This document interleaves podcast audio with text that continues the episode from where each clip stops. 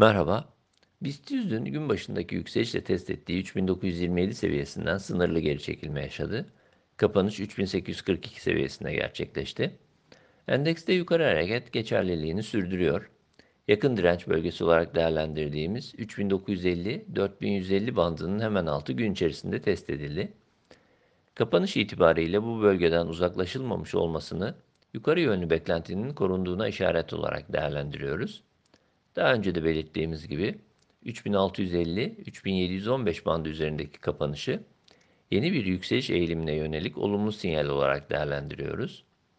3950-4150 bandı ilk aşama, 4290-4440 bandı ise ikinci aşama hareket bölgesi olarak düşünülebilir. Endekste 3680-3580 bandını kısa periyot için destek bölgesi olarak değerlendiriyoruz. Üzerindeki hareketin korunmasını yükseliş yönlü beklentinin devamına işaret olarak görüyoruz.